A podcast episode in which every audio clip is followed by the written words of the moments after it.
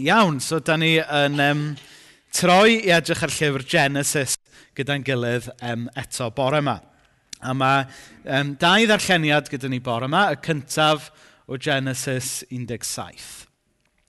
Pan oedd Abraham yn 99 mlwydd oed, flic, dyma'r arglwydd yn ymddangos iddo ac yn dweud, Fi ydy'r Dyw sy'n rheoli popeth. Dwi am i ti fyw mewn perthynas am i a gwneud beth dwi i eisiau.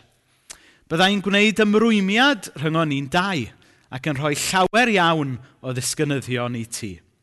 Dyma Abram yn mynd ar ei wyneb ar lawr ac meddai Dew wrtho, dyma'r ymrwymiad dwi'n ei wneud i ti. Byddai'n dad i lawer iawn o bobloedd gwahanol. A dwi am newid y enw di o Abram i Abraham am fy mod i wedi dy wneud i yn dad llawer o bobloedd gwahanol. Bydd gen ti filiynau o ddisgynyddion.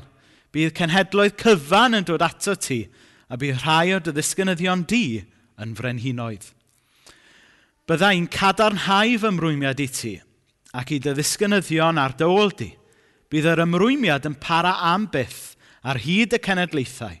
Dwi'n addo bod yn ddiw i ti ac i dy ddisgynyddion di a dwi'n mynd i roi'r wlad lle rwy ti'n crwydro, gwlad canan, i ti a dy ddisgynyddion am byth. Fi fydd ei dew nhw. A Wedyn, neidio ymlaen i Genesis 18. Dyma'r arglwydd yn ymddangos i Abraham wrth goi derw mamre. Roedd yr hael yn boeth ganol dydd ac roedd yn eistedd wrth y fynedfa i'w babell. Gwelodd dri dyn yn sefyll gyferbyn ag e Rhedo draw atyn nhw ac ymgrymu yn isel o'i blaen. Fy meistr, meddai, plis peidiwch yn mynd, gair fraint o'ch gwahodd chi i aros yma am ychydig. Ydy'n neud ymlaen i adrodd naw. Ble mae dy wraig, Sara, meddyn nhw wrth Abraham? Fan yna, yn y babell, atebodd yntau. A dyma un ohonyn nhw'n dweud, byddai'n dod yn ôl yr adeg yma yr flwyddyn nesaf, a bydd Sara yn cael mab. Roedd Sara y tu ôl i ddrws y babell yn gwrando ar hyn i gyd. Roedd Abraham a Sara mewn oed, roedd Sara yn rhy hen i gael plant. Pan glywodd hi be ddywedwyd, roedd Sara'n chwerthin yn ddi hun ac yn meddwl, y tw hi'n mynd i gael pleser felly. Dwi wedi hen ddarfod ac mae Abraham yn hen ddyn hefyd. A dyma'r arglwydd yn dweud wrth Abraham, pam wnaeth Sara chwerthin a dweud y dwi'n mynd i gael plentyn am yna mor hen? Dwi, yr arglwydd, yn gallu gwneud unrhyw beth. Byddai'n dod yn ôl fel y dwedais i, yr adeg yma'r flwyddyn nesaf, a bydd Sara'n cael mab. Roedd Sara wedi dychryn, a dyma hi'n ceisio gwadu'r peth. Wnes i ddim chwerthin, meddai hi. Dydy hynny ddim yn wir, meddai'r arglwydd. Roedd y ti yn chwerthin. So dyna yr rhan o'r gair sy'n ni'n mynd i dreulio amser gyda fe bore yma. Nawr erbyn hyn, da ni yn cofio mae'r ysbrydoliaeth i'r gyfres yma yw Take That, Never Forget Where You've Come Here From. Er mwyn deall heddiw, mae rhaid ni ddeall ddoe. Er mwyn gwybod ynglyn a sy'n mae deall y byd heddiw, er mwyn deall ni yn hunain heddiw, mae rhaid ni edrych o lle i ni wedi dod. A mae llyfr Genesis yn lyfr gret er mwyn gweld pwy nath yn creu ni, um, dysgu rhywbeth i ni ynglyn â Dyw, dysgu rhywbeth ynglyn â perthynas ni a Dyw. Mae llyfr Genesis yn helpu ni wneud sens o'r byd cymleth yma da ni'n byw ynddo fe. Pam ar un munud i ni'n cael y fflachiadau anhygoel yma o brydferthwch, ond munud nesau ni'n cael tywyllwch hefyd. A mae Lliw Genesis yn helpu ni i wneud synwyr o'r byd yma. Nawr, trwy dros y misoedd dwytha, um, da ni a'r misoedd nesaf, da ni mynd i glywed am rai o'n hoff gymeriadau ni o'r Beibl. Yr enwau sydd gyda ni ers bod ni'n blant bach yn yr ysgol Sil. Um, ond dwi eisiau ni ar hyn o bryd nawr, jyst i weld ni yn hunain yn y stori yna. Mae nid jyst yw stori i ni yn cymryd off y shelf i ddarllen e a wedyn rhoi nôl ar y shelf yw Genesis, ond bod ni yn hunain yn camu mewn i'r stori a gweld yn stori ni efo Dyw yn rhan o stori Genesis. Felly, wnaethon ni um, ddechrau edrych um, ar hanes Abraham pethefnos yn ôl. A wnaethon ni weld bod Dyw yn rhoi galwad arbennig ar fywyd Abraham. A dyma oedd yr alwad. Iddo fe adael i wlad, i bobl a'i deulu. Um, byddai'n dyneud i yn genedl fawr i fendithio eraill. Um, a bydd pobloedd y byd i gyd yn cael ei bendithio trwy ti. Oedd e'n weledigaeth fawr yn doedd. Oedd e'n alwad mawr oedd Dyw yn rhoi ar fywyd Abraham. A sut oedd e a Sara, um, dau gwpl oedrannus, mynd i allu wneud hyn? Wel, trwy ffydd. Lle mae'r hyn yn amhosibl efo dyn, mae o'n bosib efo Dyw. A wedyn ni'n darllen bod Abraham wedi trystio yn niw. A dyma'r arglwydd yn mynd ag Abraham allan ac yn deud wrtho, edrych i fyny'r awyr, cyfra faint y ser sydd yna, os fedri di. Fel yna fydd dy ddisgynyddion di yn gwbl amhosibl i cyfru. Credodd Abraham yr arglwydd a chafodd ei dderbyn i berthynas iawn gyda ge. A wnaethon ni, byddai'n ôl, wnaethon ni ystyried bod Dyw yn rhoi galwad ar fywyd pob un o'i blant heddiw hefyd. Mae Dyw yn galw ni i fod yn fendith yn y byd. Yn yr un ffordd, mae Dyw yn galw Abraham i fod yn fendith i'r byd. Ac oedd e ni falle, falle bod yr holl beth yn yn sgerio ni, fel oedd e siŵr o fod wedi sgerio Abraham a Sara. Ond, trwy ffydd, ni'n ymddiried bod Dyw mynd i lenwi ni i ddilyn yr alwad mae e wedi rhoi i ni. Felly, da ni'n um, cario ymlaen gyda um, hanes Abraham efo'n gilydd bore yma. Nawr, oedd, oedd Dyw wedi dweud wrth Abraham y bydde fe'n dod â cenedl fawr, cenhedloedd allan ohono fe. Nawr, oedd, oedd na'r logistical problem fan hyn o a rhoi e fel yna, sut oedd dau hen berson mynd i allu cael plentyn fyddai wedyn wrth gwrs o genhedlaeth i genhedlaeth yn tyfu yn genedl fawr. Mae yn, oedd e'n broblem ymarferol a rhoi e fel yna. Um, a mae Abraham um, gyda anogaeth Sara, um, sy'n siarad Abraham gael y bai i gyd, yn penderfynu cymryd pethau mewn i'w ddwylo i hunan. A mae e yn cysgu gyda Hagar, sef Morwyn, Sara i wraig, a mae o yn cael mab felly. Hynny yw, mae Abraham yn meddwl, wel, yr unig ffordd posib o hwn weithiau, mod i'n dod ar rhyw plan at ei gilydd fy hun. A mae e'n cysgu gyda Hagar a mae e'n cael mab o'r enw Ismael be mae Abraham yn wneud ydy trio sortio fo allan i hun.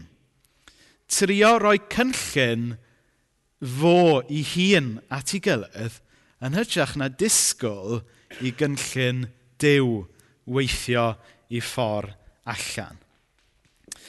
Nawr ydy hwn yn swndio'n gyfarwydd i chi? Gobeithio bod yr union situation ddim yn gyfarwydd i chi. Um, ond os ydych chi'n debyg i fi, mae hwn yn ffordd o feddwl sy'n cropio'n mewn i mywyd i yn aml. Meddwl bod fi yn gallu sortio pethau allan. Meddwl bod fi'n gallu dod â rhyw gynllun at ei gilydd heddiw yn hytrach na aros i gynllun gwell diw i mywyd i weithio i hun allan. Achos mae e yn y natur ni, dwi'n meddwl, i fod fel Abraham a Sara – i feddwl, o, allwn ni fficsio fo. Allwn ni ddod ar rhyw gynllun sydyn fel arfer yn torri cornel, fel arfer on the cheap at ei gilydd, yn hytrach na disgwyl am y cynllun gwell sydd gan ddew i ni. Nawr, um, Dwi'n cofio darllen yr um, dyfyniad yma, dwi'n dwi meddwl yn y llyfr Alffa i ddweud gwir, gan Ruth Graham, gwraig um, Billy Graham oedd yn sôn am hyn. I'm glad God doesn't answer every prayer or I would have married the wrong man several times. A mae e'n wir yn dydy. Da ni weithiau'n gallu trio prysuro yn cynllun ni yn ytrach na disgwyl i weld beth yw cynllun gwell Dyw i ni. A dwi'n siŵr bod hi'n falch iawn bod hi wedi aros a priodi Billy Graham. Um, Nawr, fa, mae hwn yn amlygu hun mewn gwahanol ffordd. Felly bod yna bobl ifanc yma oedd ar rhyw syniad ynglyn â lle o'ch chi eisiau mynd i'r coleg falle. Dyna oedd eich syniad chi. Ond wedyn mae Dyw a syniad gwahanol, a falle yn y tymor byr, bod chi wedi siomi. Ond o edrych nôl, i chi'n chi gweld oedd cynllun Dyw yn well i chi. Mae Rodri'n nodio fyna. um, dwi'n cofio pan ddeis i yma, dwi'n dwi meddwl bod fi wedi rhannu hyn efo pawb yma, ond pan ddeis i yma yn weinidog, o genna i gynllun gwahanol e, a bod yn hollol onest. Um, o, oedd ymryd i, pan o'n i yn diwedd coleg, ar fynd, o'n i ddim eisiau mynd yn weinidog traddodiadol ar dair capel batys traddodiadol yng Ngwynedd, e, a bod yn hollol onest, o'n i eisiau gwneud rhywbeth fwy exciting wir. Ond fe geodd y drws yna, dyma'r drws nath Dyw agor. A bum mlynedd wedyn, dwi'n falch. Mae dyna oedd y drws. Dwi'n gobeithio bod chi'n falch hefyd. um, a dwi'n lli gweld o'r cynllun dew i fi yn well na'r cynllun o ni fy hun wedi dod fyny ag o. A dwi'n yn gwybod, falle bod pob un ohonoch chi'n gallu meddwl am sut mae hwn yn berthnasol i chi. Sut falle oedd gennych chi rhyw un cynllun, a falle pan nath y cynllun yna ddim dod i fod oedd chi'n siomedig, Ond wedyn y fendith o weld bod Dyw gyda surprise gwell i chi. Ac yn aml, dyma wrth edrych yn ôl i chi'n gallu gweld hynna ac i chi'n gallu diolch am hynny. Felly, dyna yw'r wers gyntaf o'n eisiau codi o'r hanes yma, sef bod Abraham a Sara'n meddwl bod nhw'n gallu cymryd pethau mewn i'w dwylo eu hunain, yn gallu sortio'r busnes cael plentyn yma allan. Ond na, mi oedd gan ddiw gynllun gwell iddyn nhw.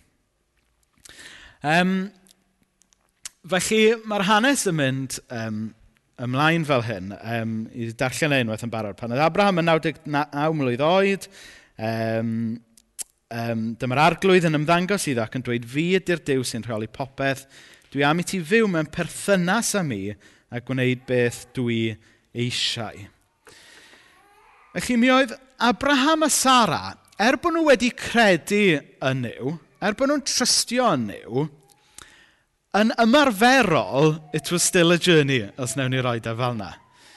Achos, un peth ydy credu yn nhw, yn yw allech chi weid bod credu yn nhw yn event, okay? ond mae dysgu byw wedyn mewn ffordd sy'n trystio Dyw yn fwy o broses, yn dydy. Um, a e Dennis Garfonia i ffwrdd rwan, ond fysa Dennis um, yr aelod hynna sgynna ni rwan, dwi'n meddwl. So fo'n deitha chi bod dim un diwrnod yn pasio lle mae o dal i ddysgu be mae'n golygu ymddiried yr arglwydd. Um, ac a ni'n gweld fan hyn fod Dyw eisiau Abraham a Sara wybod, er bod nhw wedi wneud rhywfaint o lanas, er bod nhw wedi baglu, bod nhw yn blent, blant iddo fe. A unwaith maen nhw wedi trystio yno fe, bod e yn rhoi identity a hunaniaeth iddyn nhw, a maen nhw'n saff yn yr hunaniaeth yna.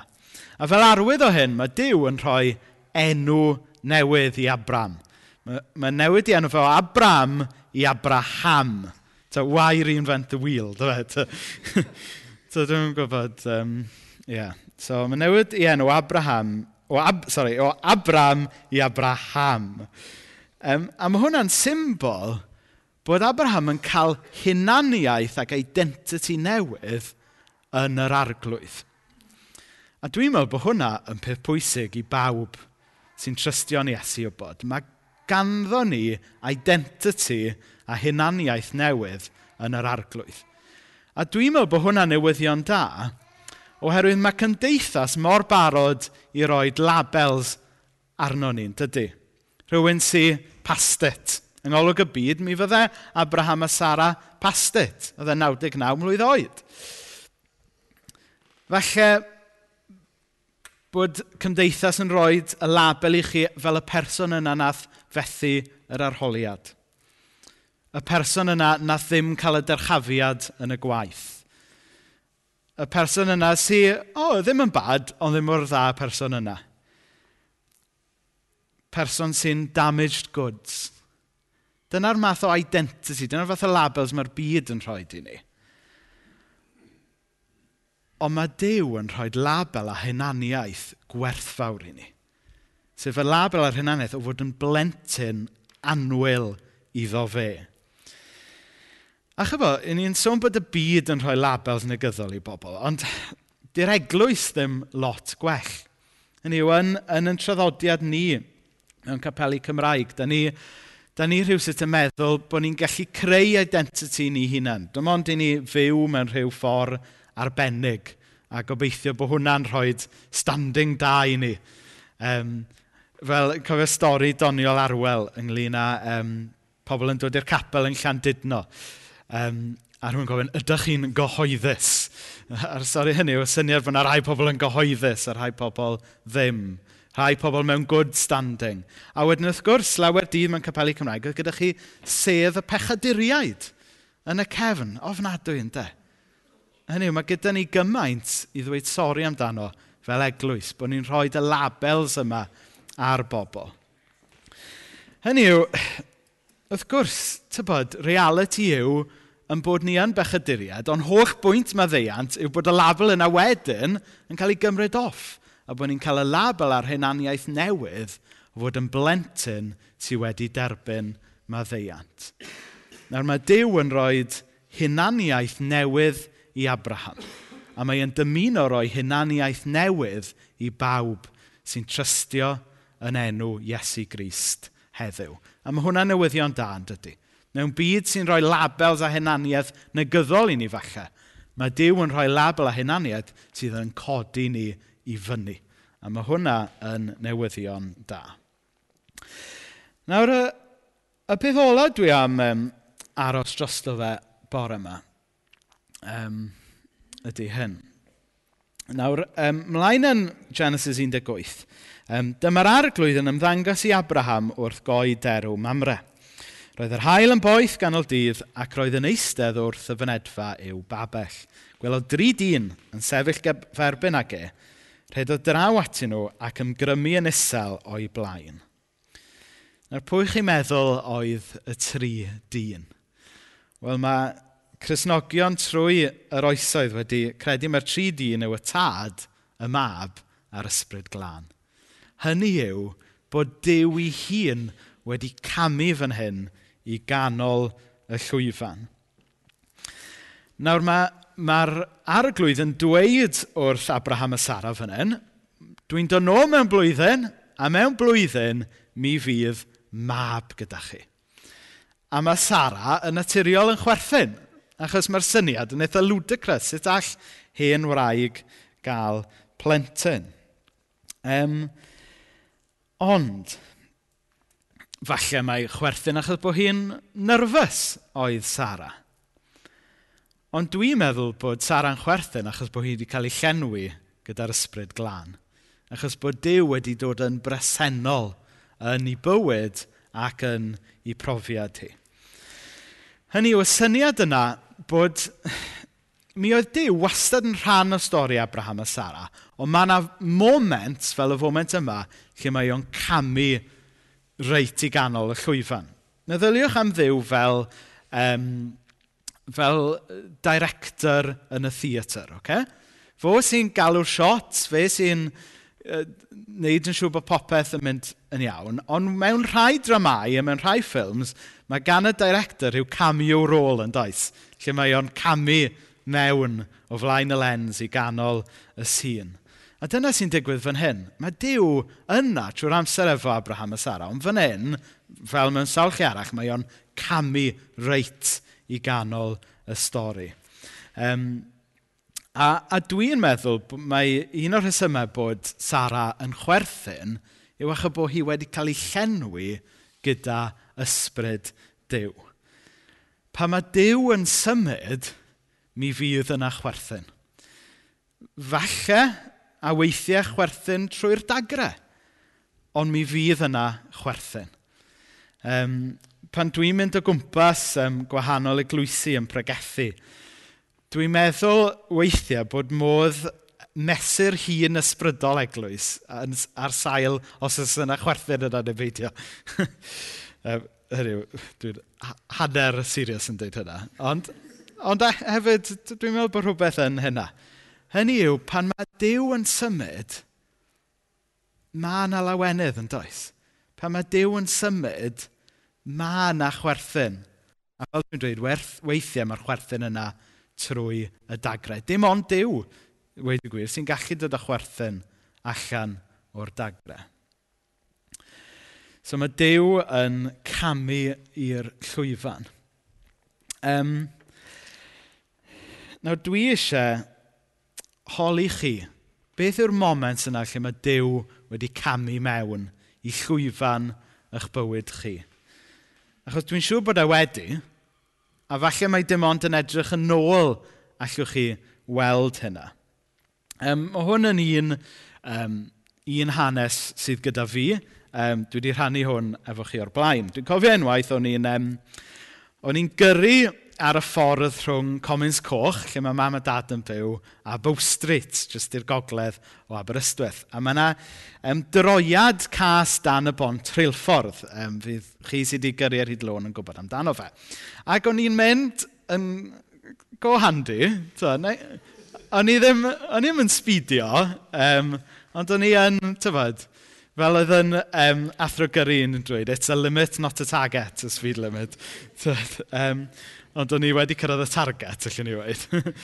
um, a dwi'n cofio, o'n i'n gyrru ar hyd y lôn, a llais yn deithau, yn hollol um, glywedol fel ydych chi'n clywed fi yn siarad nawr, yn deud stop. Ac o'n i'n meddwl, oedd neb yn y car gyda fi, oedd, oedd tybod. Um, felly dyma fi'n arafu lawr, a just rownd y gornel, mi oedd y traffic wedi stopio. A tas yr llais yma ddim wedi dweud stop wrtha i, so ni wedi mynd bang mewn i gefn y traffig yna, 60 milltir yr awr, a dwi'm yn gwybod os fyswn ni yma heddiw. So dyna jyst un stori sgynna i ynglyn â ffordd, ie, mae Dyw yna trwy'r amser, ond weithiau mae o, waw, yn neidio i ganol y chwyfan ac yn dangos i bresenoldeb yn glir. A falle, hynny, dwi'n eisiau, hynny, dydy pawb ddim, ddim mynd i gael yr union brofiad yna. Dwi'n eisiau neb ar y ffordd fynd lan i 60 i drio fe mas, dyfod, yn dawel. Falle bod, bod, bod Dyw wedi camu mewn i'ch bywyd chi drwy ddangos gofal, drwy law ffrind neu. Hynny, mae, mae yn edrych yn wahanol ym pawb. Ond gai eich annog chi i edrych yn ôl a meddwl beth yw'r moment yna nath Dyw camu mewn a neu rhywbeth anhygoel yn eich bywyd.